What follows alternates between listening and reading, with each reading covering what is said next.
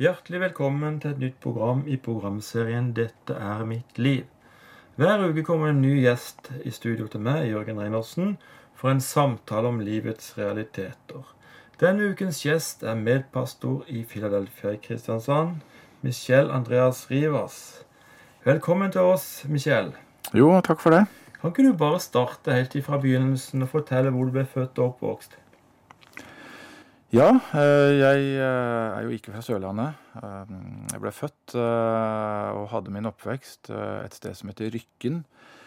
Det ligger i Bærum. Det er jo et ganske spesielt sted.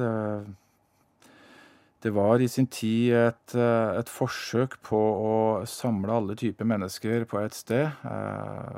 Og der bygde de alt fra eneboliger til rekkehus og blokker, og det var meninga en skulle på en måte ha alt på Det var ikke så veldig stort sted, men det bodde rundt 10 000 der. Så, så der hadde jeg min oppvekst. Min far er fra Spania, så jeg er, jeg er halvt spansk. Og har en eldre søster som er seks år eldre enn meg. Så vi vokste opp der. Mine foreldre skilte seg når jeg var, jeg var fem, fem og et halvt år, tenker jeg. Da, da skilte de seg, og min søster flytta etter noen år til min far, da. Men jeg begynte på skolen. Jeg begynte faktisk på skolen i Spania, for vi flytta til Spania, jeg og mamma og min søster.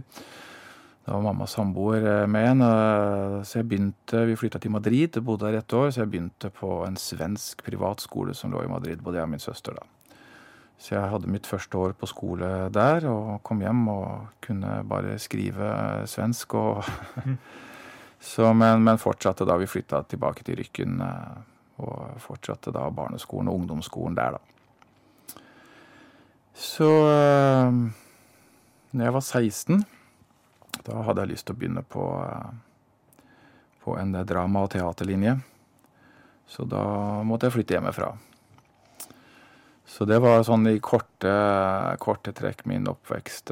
Det jeg òg kan si Altså, jeg var jo på den tida der Rykken, det var jo et sted som fort ble litt sånn berykta, for det var en del gjenger der. Det ble jo mange ungdommer på samme sted. Så det var, det var ganske mye drikking og festing allerede fra tidlig i ungdomsskolen. Altså når vi var 13-14 år, så var det helt vanlig å på en måte gå ut og feste og drikke i helgene. Og da gikk de bare rundt på rykkene og var jo ikke gamle nok til å komme inn noe sted, så Så det var en del kultur med det, da, og, og vi var jo Jeg var jo en del av en sånn gjeng da som, som festa en del, da. Mm. Mm. Men du var fem-seks år gammel når eh, foreldrene ble skilt. Kan du huske noe fra den tida? Ja, jeg husker noe. Jeg husker spesielt godt uh, husker den dagen min far dro. Jeg bare husker han, Vi bodde i en, en sånn fireetasjes blokk, og jeg husker bare han, han, han, gikk ned trappa. Og jeg husker også etter vi hadde kommet hjem fra Spania, da, så flytta jo min søster til han, og jeg husker også det når de kom og på en måte hun dro sammen med de, da. Så var det på en måte meg og min mor igjen, da, bare. Det jo, kan jeg huske. Gjorde det noe med deg, selv om du var ganske så ung? Ja, det er klart. Jeg husker jo det som en forholdsvis dramatisk opplevelse. Jeg husker jo ennå på en måte usikkerheten og redselsfølelse og på en måte sorgen over, over å oppleve det. Så det er jo klart når man får sånne sterke følelsesmessige opplevelser, så er det ofte de som sitter igjen, da. Så, så, ja, jeg husker sånne bruddstykker fra det, ja. Mm. Så havner du på Nordmøre folkehøgskole. Ja. 16 år gammel. Det er jo ganske tidlig å reise hjemmefra. Ja, det er det. Det var ikke så lenge før jeg fylte 17, da. Men, men jeg hadde ikke fylt 17 når jeg begynte, så Men jeg var allerede da vant til å klare meg selv. Det hadde vært meg og min mor. Og jeg var vant til å klare meg selv, hadde veldig stor frihet hjemmefra. Så, så jo da, men jeg dro opp der. Det var jo et internat, så vi, så vi bodde på skolen. Det var jo en folkehøyskole, som sagt, og likte meg veldig godt der, altså. Det, det var veldig bra. Mm. Det traff du ei jente også? Ja, jeg gjorde det. Eh, ganske tidlig så, så ble hun og jeg eh, Ja, litt tidlig og tidlig. Vi, vi ble kjærester på nyttårsaften. Så eh, hun kom fra et sted som heter Åndalsnes. Er jo gjerne kjent for Trollstigen og Trollveggen og ligger en fem mil inn i landet for Molde. Så det endte med at jeg hadde ikke lyst til å flytte hjem igjen til Bærum, men jeg flytta til Åndalsnes og fikk meg en hybel der. Og begynte på videregående handel- og kontorlinje, som det het i den tida der. Da jeg begynte der, så fylte jeg jo 18 da. Du ble far også ganske tidlig? Jeg ble det. Hun Det året der, etter vi hadde flytta dit den høsten, så ble hun tidlig gravid. Og jeg fant vel ganske fort ut at jeg var altfor umoden, egentlig, til den rollen, så så det ble slutt mellom oss da, mens hun var gravid. Vi hadde fortsatt et godt vennskap, og og jeg bestemte meg for å følge opp farsrollen, men men jeg var nok altfor umoden i den tida der til å på en måte følge opp både forhold og som, men jeg bestemte meg for å, for å på en måte være en, en far som var til stede for, for Malin, som hun heter. Så etter det året der så hadde jeg lyst til å prøve noe nytt. Jeg var stadig på leting etter hva jeg ville. Jeg visste egentlig ikke hva jeg ville bli, og begynte på styrmannsskolen i Kristiansund. Det blir jo da en to og en halv, tre timers reise fra Åndalsnes. Og reiste til Åndalsnes hver helg for å være sammen med Malin, da. Så ja, da gikk det et år til der, og fikk litt interesse for det maritime og skulle inn i militæret. Og søkte meg inn i marinen, og det fikk jeg lov til ettersom jeg hadde gått styrmannsskole, da. Så høsten 92 var vel det. Da dro jeg inn i militæret. Akkurat. Og så var du hjemme hos mor igjen? Ja, etter endt militærtjeneste, jeg var jo der i 14 måneder, så var det litt sånn hva, hva gjør jeg nå? Og mamma, altså det året jeg gikk på folkehøgskole, når jeg hadde flytta hjemmefra, da hadde mamma blitt kjent med en, med en mann som hun flytta hjem til mens jeg gikk på folkehøyskole. Og som hun var samboer med i de neste 25 årene. Og de bodde på Snarøya, rett ved siden av Fornebu. Og etter militæret så flytta jeg hjem til de. Hadde et veldig godt forhold til han. Han ble jo på mange måter min stefar, selv om de aldri gifta seg. Så da bodde jeg hjemme i Bærum i et halvt år. Fra jeg var, jeg var ferdig i militæret november 93, så Så tenkte jeg at jeg ville helst opp igjen til Vestlandet og til der min datter bodde. Og i militæret så begynte jeg som kokk, så og det var noe jeg likte, så jeg søkte kokkeskolen på Åndalsnes. Det var kjent for å være Norges beste kokkeskole på den tida der. Så kom inn der, og jeg begynte vel der høsten 94. Begynte jeg på kokkeskolen på Åndalsnes. Fikk flytta opp igjen og bodde i nærheten av, Malin og fullførte den. Og fikk jo på slutten her også tilbud da om, om å få en lærlingeplass hos en som har blitt kjent i løpet av de siste årene, Eivind Hellstrøm. Han var jo da kjøkkensjef på restauranten Bagatell i Oslo. Fikk tilbud om å begynne der, og det er klart det hadde jo blitt en fantastisk karriere, sikkert. Men jeg valgte å takke nei, for jeg visste at uh, da blir jeg boende i Oslo. Uh, og det er en jobb hvor uh, du jobber hele tida, og minimale sjanser for å besøke Malin. Så jeg bestemte meg heller for å, for å ta lærlingplass på et stort hotell i Molde, da. Så mm. Og da skada du beinet, ikke så? Jo, jeg gjorde det. Jeg vet egentlig ikke hva som skjedde. Jeg bare gikk hjemme en dag, og plutselig fikk jeg veldig store smerter i, i fotbladet. Uh, hovna opp kjempemye og gikk jo til lege med dette her, og de fant ikke ut av hva det var for noe. Og jeg var på rundtur i hele helsevesenet rundt i Molde og på alle mulige typer behandlinger du kan tenke deg. Og Gikk sånn eh, ca. et år uten at noen fant ut av hva det var for noe. Jeg ble jo sykemeldt. Eh, og akkurat i den perioden der, så Rett før jeg fikk den skaden, så, så var jeg nok i en sånn situasjon i livet at jeg begynte å tenke mye på hva liksom er meninga med livet. Eh, jeg syns livet var egentlig litt sånn kjedelig. Jeg fant liksom ikke noe sånn dyp mening med det. Jeg tenkte er liksom livet skaffe seg en utdannelse, så du kan skaffe deg en jobb, og så få familie, og så på en måte skal du være i det i så og så mange år, og så passe på å få en god pensjon, og så bli pensjonist, og så er det ferdig, liksom. Jeg syns på en måte det ble mer og mer meningsløst å tenke er det alt? Eh, jeg klarte ikke helt å slå meg til ro med det. Og syns livet begynte å bli litt kjedelig. Eh, og så akkurat i den perioden hvor jeg da gikk sykemeldt og var mye hjemme, så, så ble jeg kjent med noen uh, i Molde i et miljø som, som både festa hardt og ikke bare drakk alkohol, men uh, de brukte ulike typer stoff. Og det var ikke noe uvanlig. Mange gjorde det i helgene og fungerte helt vanlig i hverdagen. Så, så jeg kom inn i det miljøet der da, i den tida der. Ble det et problem for deg? Ikke til å begynne med. Jeg hadde veldig god kontroll og på en måte visste at når jeg får i orden det med beinet, så skal jeg tilbake i jobb. Og, og på en måte var jo opptatt av å ha et godt forhold til, til Malin og min datter, så, så, jeg var veldig bevisst på det. Og, men sånn er det jo gjerne Man kan feste med kontroll inntil en viss tid, tror jeg. Og så på en måte mister man vel etter hvert kontrollen. Så til slutt så, så sa min mor og, og, min stefar at vi kan ikke gå og vente lenger, så, så, du må dra på en privat klinikk og så prøve å finne ut av hva det er med foten. Så de betalte for meg. Jeg dro til Trondheim, på Rosenborg-klinikken, som jo er en kjent eh, privatklinikk, og de brukte fem minutter på å finne ut av hva det var for noe.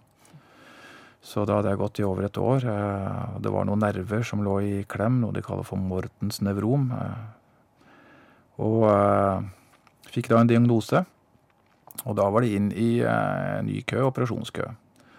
Og jeg ble forespeila ganske lenge der.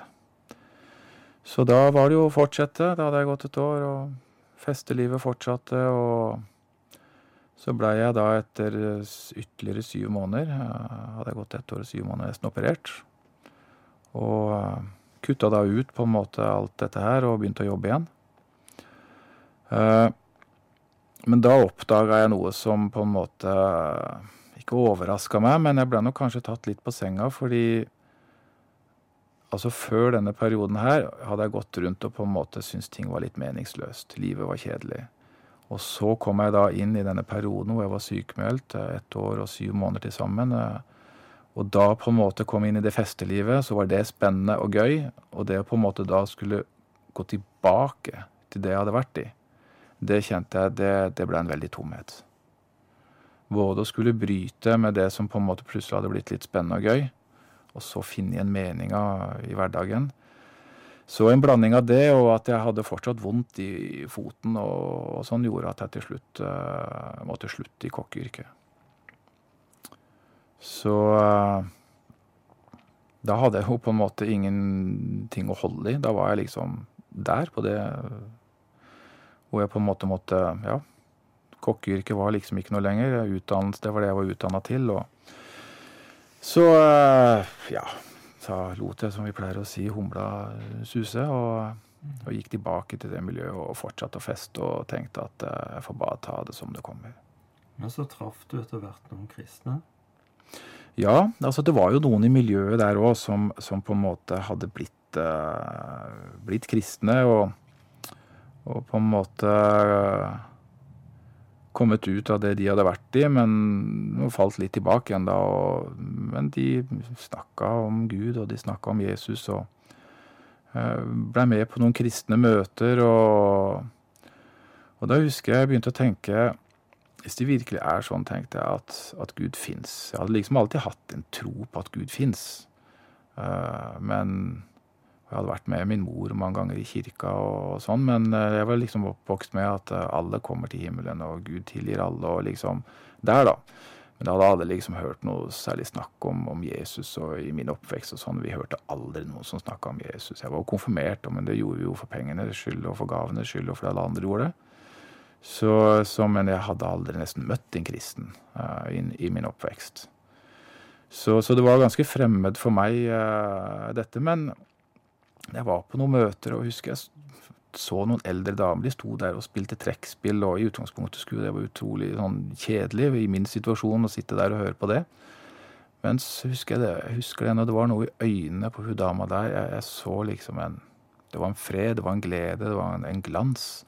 Som jeg tenkte Hun der har det bra inni seg, tenkte jeg. Uh, og jeg ble nysgjerrig uh, på dette livet med Gud, da. For jeg tenkte hvis det er sånn at Gud fins, da gir livet mening. Så, så, jeg bestemte meg for å prøve ut det, da. Hjertelig velkommen tilbake igjen til programserien 'Dette er mitt liv'. Vi har besøk av Michelle Rivas i studio. Og Michelle, du må fortelle. Du eh, møtte noen som, som eh, hadde møtt Gud, og, og, det gjorde deg nysgjerrig. Ja, øh, det gjorde det.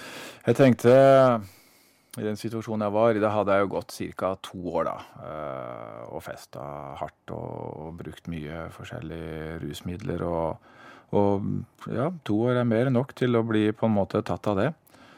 Og var nok selvfølgelig både fysisk avhengig og psykisk òg. Eh, det var et sånn rehabiliteringssenter, et inntak som lå ikke langt fra Molde. og eh, jeg bestemte meg for å legge meg inn der. Det var kristent. Uh, egentlig mest fordi jeg var nysgjerrig på det med Gud, og jeg visste at der bruker de Gud som uh, på en måte terapi. Uh, og gjorde det. Sosialkontoret sa de skulle gå med på å betale det, og så lenge jeg liksom ville dette her selv, og hele initiativet var fra min side. Så jeg kom opp der. Eh, på høsten. Og eh, ja, jeg husker jeg kom inn der første kvelden og var jo selvfølgelig ikke nykter eh, i det hele tatt. Og hadde tatt med meg noe også. For å ha liksom, for jeg visste at jeg kom til å bli litt sånn dårlig og, og sånn når alt dette gikk ut av kroppen. Og kom dag nummer to, og da begynte jeg jo å merke på kroppen at uh, ting skjedde. og og eh, hvis jeg ikke husker feil, så tok jeg vel noe av det jeg hadde tatt med meg. Og, og så var jeg ute og tok meg en røyk, eh, og så skulle jeg gå inn. Og idet jeg gikk over dørstokken inn, så var det akkurat som jeg hørte en klar, tydelig stemme som sa 'kast alt det du har i do'. Jeg hadde aldri gjort det. altså Jeg hadde prøvd å slutte å røyke mange ganger. Men det var aldri sånn at jeg knakk den røyken jeg hadde igjen. Jeg skulle i hvert fall alltid bruke opp det jeg hadde først. Og jeg hadde jo aldri kasta noe av verken alkohol eller stoff. Jeg skulle i hvert fall bruke opp det jeg hadde. Så det var veldig sånn Jeg kan ikke kaste, jeg må i hvert fall bruke det opp. Men, men jeg kjente det var akkurat som jeg bare kjente det der bør du gjøre. Så jeg kasta alt jeg hadde i do, og gikk og fortalte det til de som var bestyrere der, om hva jeg hadde gjort, at jeg hadde hatt med meg noe inn, og at jeg nå hadde kasta det i do, og, og, sånn og sånn. Og fordi jeg var ærlig, så sa de OK, greit, da fortsetter vi videre. Og jeg blei jo dårligere og dårligere utover den dagen, og kvelden kom og natta kom, og andre dagen så var jeg jo sengeliggende. Da var jeg så dårlig at uh, Så du har veldig mye sånne kramper, og det klør i kroppen. Og, så jeg pleide å liksom bare reise meg fra senga, det var i annen etasje, og gå ned og opp, bare sånn, for da klarte jeg å slappe av litt igjen en halvtimes tid. og når jeg kom ned i stua der, så satt jo to av de andre som bodde der, og de visste jo det at jeg var kjempedårlig. Og eh, så spør de kan vi få lov å be for deg, Michelle, eh, sa de. Så jeg tenkte ja, selvfølgelig, alt er åpen for alt. Som, ikke sant? Så sa jeg ja, selvfølgelig, sa jeg. Og så knelte vi der i stua, og de satt på hver sin side og ba. Og jeg husker ikke noe av hva de ba om, eller noen ting, for jeg var så dårlig at det, det gikk rundt for meg nesten. Og eh, merka, merka ikke noe der og da, eh, egentlig. Eh, og så reiste vi opp og skulle gå ut og ta meg en røyk. Så står jeg der og, tar meg en røyk, og så så, så, merker jeg at det var noe annerledes. Jeg tenkte hva er det som har skjedd? Så begynte jeg å kjenne etter. Jo mer jeg på en måte liksom kjente etter, jo mer jeg oppdaga jeg er jo ikke dårlig lenger. Uh, og så jo mer dette gikk opp for meg, jo mer skjønte jeg at jeg var fullstendig helbreda. Så eh, Og jeg visste jo at eh, For jeg hadde jo prøvd å slutte mange ganger i løpet av de to årene, og jeg visste jo at jeg var i hvert fall syk minst sånn sengeliggende nesten en uke. Og på en måte før jeg var helt sånn fin i formen, så kunne det jo selvfølgelig gå både to og tre uker. Men eh, jeg oppdaga der og da at jeg var fullstendig frisk og full av energi og kjente ingenting. Og den kvelden så skulle vi i en kirke, for de pleide å dra rundt og ja, synge og vitne litt og sånn og sånn. Og egentlig så skulle ikke jeg være med, for jeg var jo så dårlig. Men så sa jeg jeg ville være med, sa jeg, og gikk opp for å stelle meg. og Husker jeg sto foran speilet og barberte meg, og så kjente jeg plutselig en sånn voldsom glede og takknemlighet. Og da begynte jeg å Da snakka jeg veldig sånn til Jesus for første gang, og jeg husker jeg begynte tårene trilla, og det Altså, jeg er ikke en person som pleier å ta til tårene. Kommer de, så kommer de, men, men det var vel første gang jeg hadde hatt gråt på mange, mange år. Men så var det akkurat som jeg kjente at alt som på en måte var, var vondt, var, hadde vært vanskelig, det bare rant ut av meg, altså. Så det var en veldig sånn spesiell situasjon for meg å stå foran speilet der og plutselig snakke til Jesus og takke han. Og, men da visste jeg at jeg hadde blitt helbreda. Så det var et veldig sånn tydelig tegn for meg.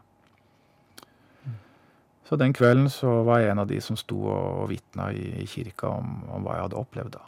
Mm. Så fantastisk. Etter den perioden på rehabiliteringssenteret så havna du i Saronsdal?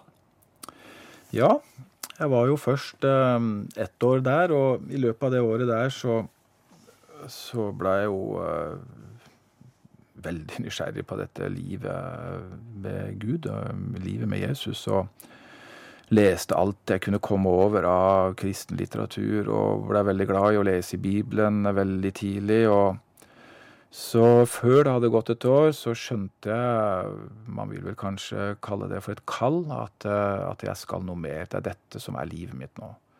Eh, jeg skal leve for Gud på en eller annen måte. Og, eh, og kjente veldig for at jeg skal, jeg skal, begynne på en bibelskole. Det var liksom bare noe jeg skjønte. Men jeg tenkte jeg, jeg, vil, jeg vil, vente litt, for jeg hadde vært der et år. og Så jeg tenkte jeg, jeg vil bli bedre kjent med Gud. Og jeg vil på en måte ta det litt med ro, så jeg venta et helt år til. Eh, men det siste året jeg var der, så jobba jeg mer eller mindre der, da. Var sjåfør og jobba på kjøkken og var mer en medarbeider, da. Søkte i Saronsdal, i Kvinesdal, og kom inn der. Og, og dro ned der etter å ha vært på dette stedet i nesten to år, da. Det var høsten år 2002. Kom ned der og ja fant min plass med en gang. Det var jo et internat, vi bodde på skolen. Og det er jo i utgangspunktet en treårig skole. Du kan velge om du vil gå ett, to eller tre år. Og det som var spesielt, var at jeg søkte om yrkesrettet attføring, som det het da, eh, fordi jeg ikke kunne fortsette som kokk. Og hvor du da kan få betalt for å ta ny utdannelse. Og søkte om å få lov å gå på bibel- og misjonslinje. Det var jo ikke helt sånn positivt med en gang, men jeg hadde en saksbehandler som var positiv og sa ok, vi skal prøve å få det til. Og jeg fikk eh, innvilga til å begynne med to år, så jeg kunne få lov å gå der to år og få det dekka. Så det var jo veldig spesielt. Kom ned der og gikk første året. Det var fantastisk, fantastisk miljø. og Fikk reise mye rundt og var i Kenya annet en måned og opplevde masse, masse spennende, altså. Og da når jeg var i Kenya, og også før det, så så talte jeg mye i menigheter, forkynte og underviste og, og, og skjønte veldig fort uh, at dette er noe Gud vil bruke meg til. Så uh, kom jo da andre året, og det, der er det mye praksis. Du reiser på bl.a. tre lengre turer på høsten, vinteren og våren. Og når jeg gikk andreåret, så kom det jo nye førsteårselever, og blant de så var det jo ei veldig søt jente som mm. jeg fort eh, fikk øynene opp for, da. Så, men det var en sånn regel på skolen om at førsteårslever førsteårselever de fikk ikke lov til å bli kjæreste med noen før etter nyttår, da, for at det ikke skulle ha fokus. Så vi skjønte tidlig at det var oss, at vi likte hverandre, men eh, så vi ble sammen på nyttårsaften, da, offisielt. Så det Og da når jeg gikk det andre året, det var òg veldig spesielt. Første perioden jeg hadde som praksis på høsten, så dro jeg til Tunisia og inn i Libya. Det var jo mens Gaddafi styrte der, og opplevde jo masse spennende. Og på vinterpraksisen så dro jeg til India, var der i fem uker og bodde på en bibelskole og underviste og dro rundt over hele India og, hadde store kristne kampanjer og opplevde Det er klart, du opplevde jo masse med Gud, så jeg, min tro ble jo bare mer og mer og mer styrka. Opplevde masse undre og mirakler, og det var veldig spennende tid, altså. Og til slutt, den praksisen vi hadde på våren, så, så fikk jeg oppleve å dra til Thailand og Burma og Laos og Så jeg reiste rundt i store deler av verden, og, og klart Gud utfordra meg på mange plan.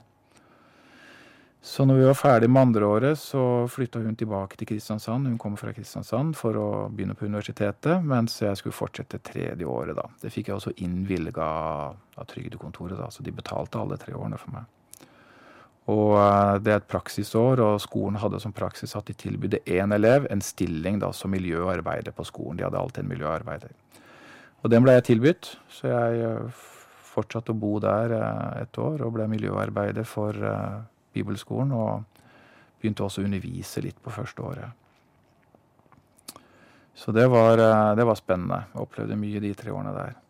Ja, det vil jeg tro. Men etter tre år så var det noe som lokka Kristiansand, altså? Ja, det er klart det ble mye pendling det året der. Helene kom jo og besøkte meg, og jeg besøkte jo henne og, og, og sånn. Så jeg flytta til Kristiansand våren 2005. Etter tre år der inne. Og fikk meg en leilighet der, og jeg tenkte hva nå? Hva skal jeg nå? Nå har jeg liksom gått tre år der, og hva kan jeg bruke det til? Uh, Helene, da, som uh, Hun var uh, født og oppvokst i, i, en menighet i Kristiansand, Philadelphia Kristiansand, så det var naturlig for meg å også begynne der. Hadde egentlig Hadde jo tilhørt menighet før, mens jeg var på det rehabiliteringsstedet, men aldri på en måte sånn opplevd menighetslivet sånn ordentlig. Så for det var en veldig liten menighet jeg hadde tilhørt den gangen der. Og Philadelphia var jo forholdsvis stor menighet.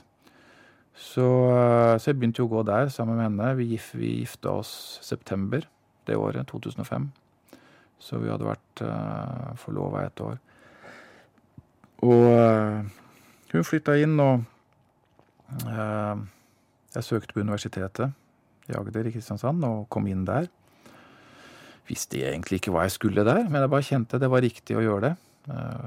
Gikk inn i en bachelorstudie religion, etikk og kultur. Og for akkurat som jeg kjente her, her vil Gud ha meg nå, uten at jeg helt visste hvorfor. Og øh, året etter øh, så begynte jeg som ungdomsleder sammen med en annen i Philadelphia. For å bygge opp det et ungdomsarbeid som, som lå ganske nede da.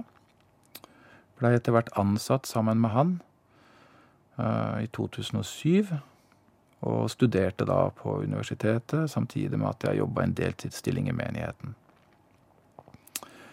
Så det var, skjedde mye spennende der, og fullførte bachelorgraden med tre år på universitetet. Og da, etter jeg var ferdig, så skjønte jeg hvorfor jeg hadde gått der. For da hadde ungdomsarbeidet vokst fra å være rundt 25 til å være over 400 i løpet av et par år. Og det var så mange ungdommene som ville noe mer ved livet. De ville gå på bibelskole, men de ville helst ikke flytte ut av byen og ut av menigheten. Så da bestemte vi oss for å starte opp bibelskole hos oss selv. Og da skjønte jeg hvorfor jeg hadde studert tre år på universitetet. Jeg skulle begynne som lærer på bibelskolen. Og da fikk jeg jo bruk for uh, mye av den kompetansen der, da. Ja, du lytter på 'Dette er mitt liv'. Vi har besøk av Michelle Rivas i studio. Og Michelle, du fortalte før den lille musikalske pausen om at eh, dere opplevde en enorm vekst i Philadelphia i Kristiansand i ungdomsmiljøet. Kan ikke du fortelle hvordan dere opplevde det? Ja, um, det var jo meg og en som heter Tor Harald Evenstad, som på mange måter var, eh, var de som sto um, litt i bresjen fra begynnelsen av. Etter hvert så kom det jo flere til og hjalp. og Og mange har jo liksom spurt i etterkant ja, hva gjorde dere, liksom brukte dere noen spesielle metoder eller sånn og sånn for at det, det kom en sånn vekst. Men når vi begynte, så var vi enige om at ok, nå legger vi ned alt som har vært. Uh, vi begynner helt fra scratch. Og det vi begynte med og hadde fokus på, det var, det var bønn. Altså vi, vi, ba mye til Gud, altså. Uh, vi og de ungdommene som var. og og tenkte det, det er det eneste som kan, kan gi en, en, ekte og varig vekst. Og, og, så begynte ting å skje. At det kom ungdommer, og de vi hadde, blei veldig frimodige. Og de vitna på skolen sin og på videregående. Og du, ungdom bare kom. og det er klart det skjedde jo veldig mye på møtene. da. Mange ungdommer blei virkelig møtt av Gud, og mange blei helbreda. Og det er klart ryktet begynte å spre seg. og det kom flere og flere, og flere gjengledere kom, og de møtte Gud, og det er klart eh, ryktet spredde seg. Så, så, egentlig, så når vi skal svare på et spørsmål hva gjorde dere, vi gjorde egentlig ingenting.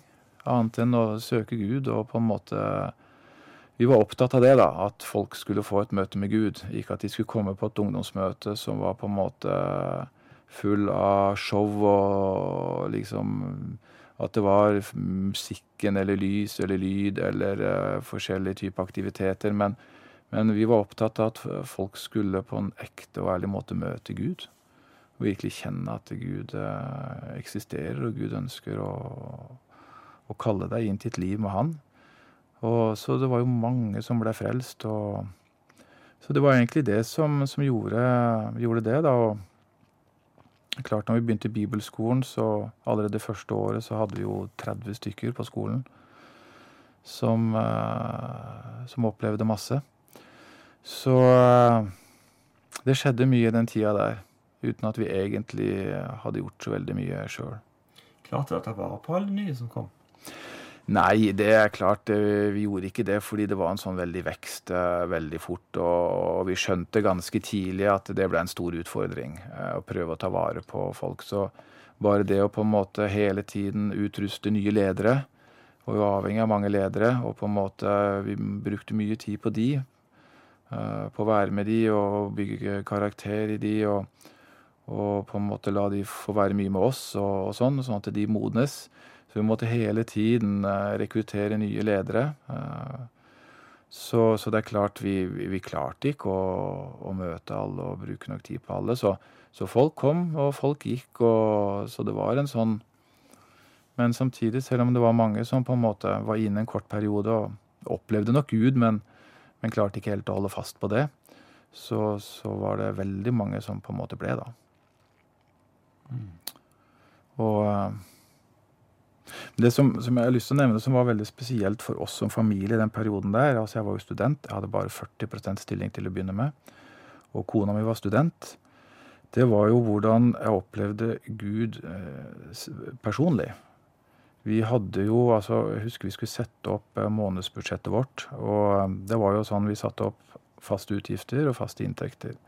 Og det var jo en skeiv balanse. Altså sånn helt eksempelvis si vi hadde utgifter på fast 10 000, og så var kanskje inntekten på 6000. Så hver måned så gikk vi i minus med 4000. Men uh, det spesielle var jo at uh, i, nesten tre år, uh, så ikke fullt tre år, kanskje to, to, to, to og et halvt år, så mangla vi aldri noen ting. og alle de underne som skjedde i den perioden der, det var helt spesielt, altså. Det, vi måtte flere ganger brette ut regninger og be til Gud, og, og folk kom på døra med konvolutter. Ingen visste noen ting. Vi fortalte aldri noen noe. Og det lå gavekort i postkassa, og vi fikk telefoner om folk som bare hadde kjent de skulle gi oss og støtte oss. og jeg kunne fortalt ganske, ganske mange helt konkrete eksempler som viste hvordan Gud hadde omsorg for oss da, uh, i hele den perioden. Og vi fikk jo tidlig vårt første barn. og så det, det, var veldig spesielt å oppleve det å være avhengig av Gud, og hvordan Gud var så trofast. Så, så eh, det var spesielt. Det er klart. Nå er jo du eh, medpastor i Philadelphia Kristiansand. Hvilke arbeidsoppgaver har du der? Ja, altså jeg gjør jo veldig mye forskjellig. Eh, som pastor så har jeg jo selvfølgelig alle mulige typer pastoroppgaver, som vi kaller det. Jeg er ansvarlig for vielser, og jeg har begravelser, og det er klart jeg det er dåp og barnevelsignelser og mm, samtaler og uh, En taler og forkynner jo mye og, og sånn. I tillegg så er jeg jo fortsatt tungt involvert i bibelskolen vår. Vi har jo både et første og et andre år. Um, dette året har vi 50 elever til sammen, og jeg underviser mye der og er mye ute og reiser med elevene. I tillegg så har jeg hovedansvaret for misjon i menigheten. Vi har jo flere heltidsmisjonærer ute og masse misjonsturer gjennom hele året, så jeg skal på en måte ha ansvaret for alle misjonærene og korrigere alle turene. og, og sånn, og har også et ansvar for Vi har en egen etiopisk-eritreisk avdeling og en egen spansktalende avdeling med ganske mange medlemmer som jeg også har ansvaret for. Så eh, jeg er veldig heldig å få gjøre mye forskjellig. Og mest av alt jeg får jobbe med mennesker, og det er jeg veldig glad i. Så det er klart det beste med min jobb og tjeneste er jo å se mennesker i alle mulige faser i livet. Vi har jo alle typer i menigheten, alt fra de som sliter til de som lykkes i livet.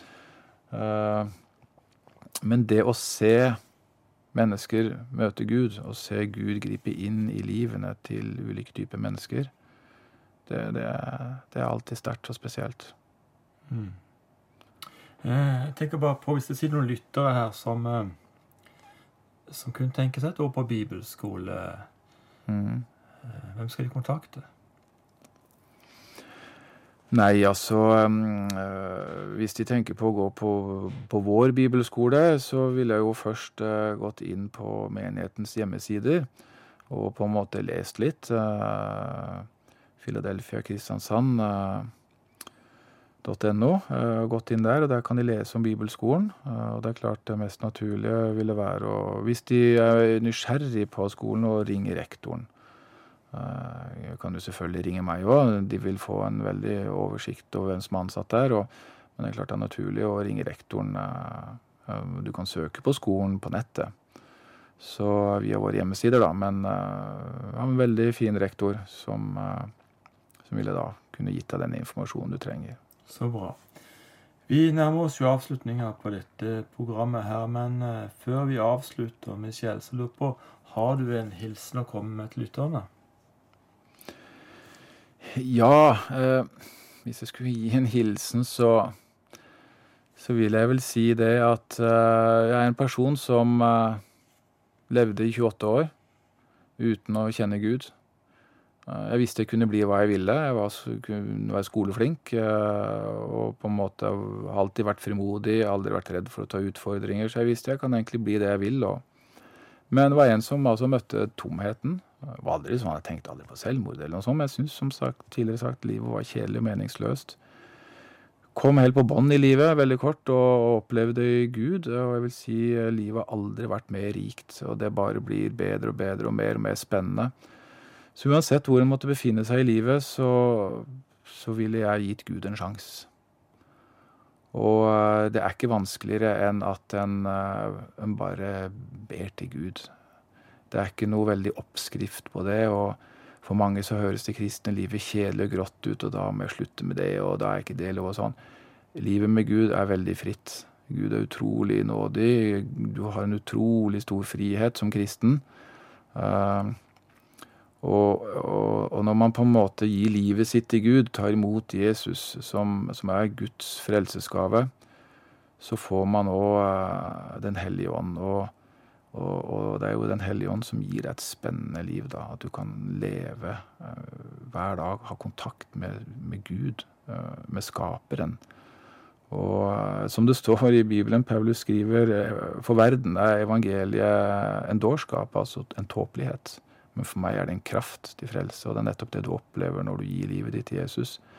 Er, du opplever en kraft uh, gjennom at Den hellige ånd tar bolig i deg. Så uansett hvor en er i livet, om en er høyt og har lykkes, uh, har god økonomi, god jobb uh, Så på en måte jeg har bare sett det uansett hvor en er i livet, så vil, vil man etter hvert til slutt møte en tomhet. Og, og Jesus har noe for alle. Og det er liksom ikke sånn at eh, Jesus er for de svake og som har mislykkes. Nei, eh, alle må til slutt en dag møte sin skaper. Og da er spørsmålet hva valgte du å gjøre med livet ditt? Tok du imot Guds nåde og frelsesgave som er Jesus, eller gjorde du det ikke? Så det er egentlig det livet handler om. Det er hva velger du å gjøre med livet ditt? Så jeg kan ikke si det sterkere enn at jeg hadde aldri vært kristen i dag hvis jeg ikke hadde erfart Gud. Da hadde jeg aldri giddet det. Men fordi jeg har erfart Gud, og jeg erfarer Han hver dag nå, helt tydelig, så er jeg en kristen en dag i dag. Og det kommer jeg til å være resten av livet. Hjertelig takk skal du ha, Michelle Andreas Rivas. Jeg er så takknemlig for at du kom i vårt studio i dag. Må Gud velsigne deg, din familie og din tjeneste i dagene, månedene og årene fremover. Tekniker i dag har vært Ruben Høines. Mitt navn er altså Jørgen Reinersen. Neste uke så er vi tilbake på samme tid og på samme kanal med en ny spennende gjest i studio. Vi takker for i dag og ønsker deg det beste av alt Guds velsignelse.